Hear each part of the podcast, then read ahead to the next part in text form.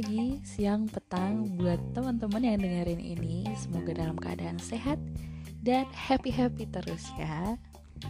Hari ini kita akan membahas tentang jurnalisme bisa multitasking. Hmm. Hebat ya kalau jadi serba bisa. Terkadang banyak bisaan tuh juga menghasilkan suatu manfaat loh. Nah, bahas tentang serba bisa nih tentang multitasking, jurnalismenya ternyata juga serba bisa loh. Hmm, kok bisa? Emang ngapain jurnalisme ini? Baiklah, kita ke pengantar lebih dulu. Teman-teman sadar ya kalau misalkan kita nerima informasi setiap hari, nerima, bahkan mencari. Nah, cara kita menikmati suatu berita atau informasi ini kadang caranya nggak sama ada yang suka bacanya teks panjang baru bisa ngerti.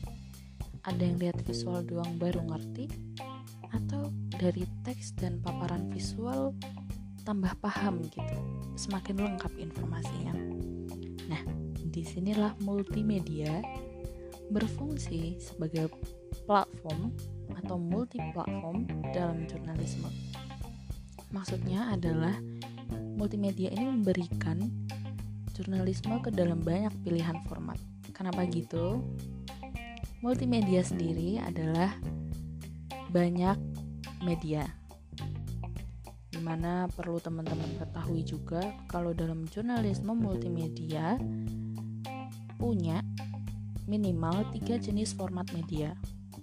Format media itu apa aja sih? Ada yang teks, infografik, gambar audio, video, dan lain-lain dalam jurnalisme multimedia ini satu format media dengan format lainnya itu sifatnya nggak redundant atau ngulang. Jadi sifatnya adalah melengkapi isi atau konten format media lainnya. Misal aku buat konten nih ada teks. Nah aku juga mau bikin audio atau infografik.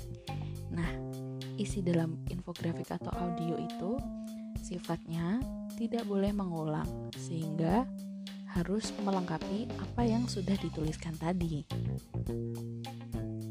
Hmm. Apakah kalian sudah mulai paham? Aku yakin teman-teman sering kok dengar istilah multimedia ini. Nah, tapi apa sih tujuan dari multimedia ini? Apalagi dalam bidang jurnalisme ya. Yang bisa aku sampaikan adalah tujuan dari multimedia ini sebenarnya nyediain cerita atau informasi yang informatif dan juga menarik.